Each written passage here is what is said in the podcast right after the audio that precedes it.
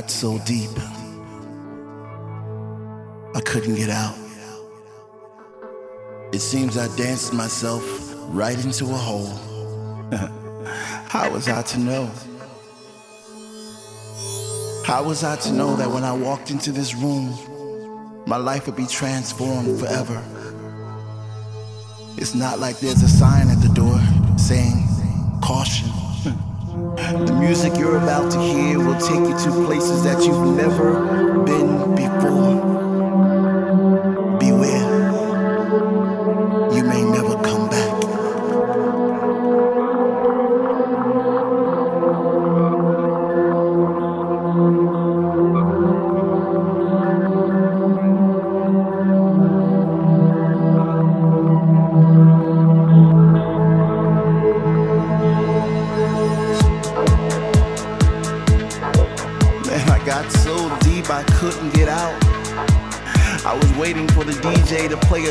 That didn't move me quite so much, but no such luck. They had me at the first bass drop. And then I said to myself, well, who am I to fight this feeling, this translucent thing that was as solid as a rock?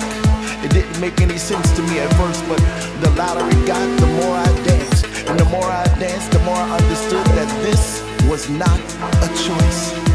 Somehow, some way, this thing was dormant inside of me since the day I was born. And that night it seemed I was born again right out there in that dance floor. But this time the tears that poured from my eyes were tears of happiness because I found my way home. Oh yeah, this time I got so deep it swallowed me whole into a bottomless pit of rhythm. So deep, the only way I could find my way out was to go even deeper. And the further I got down, the hotter it got. But this was no hellfire I was my skin. It was warm like the warmth of a baby pressed against his mother's breast. But I digress. It got so deep.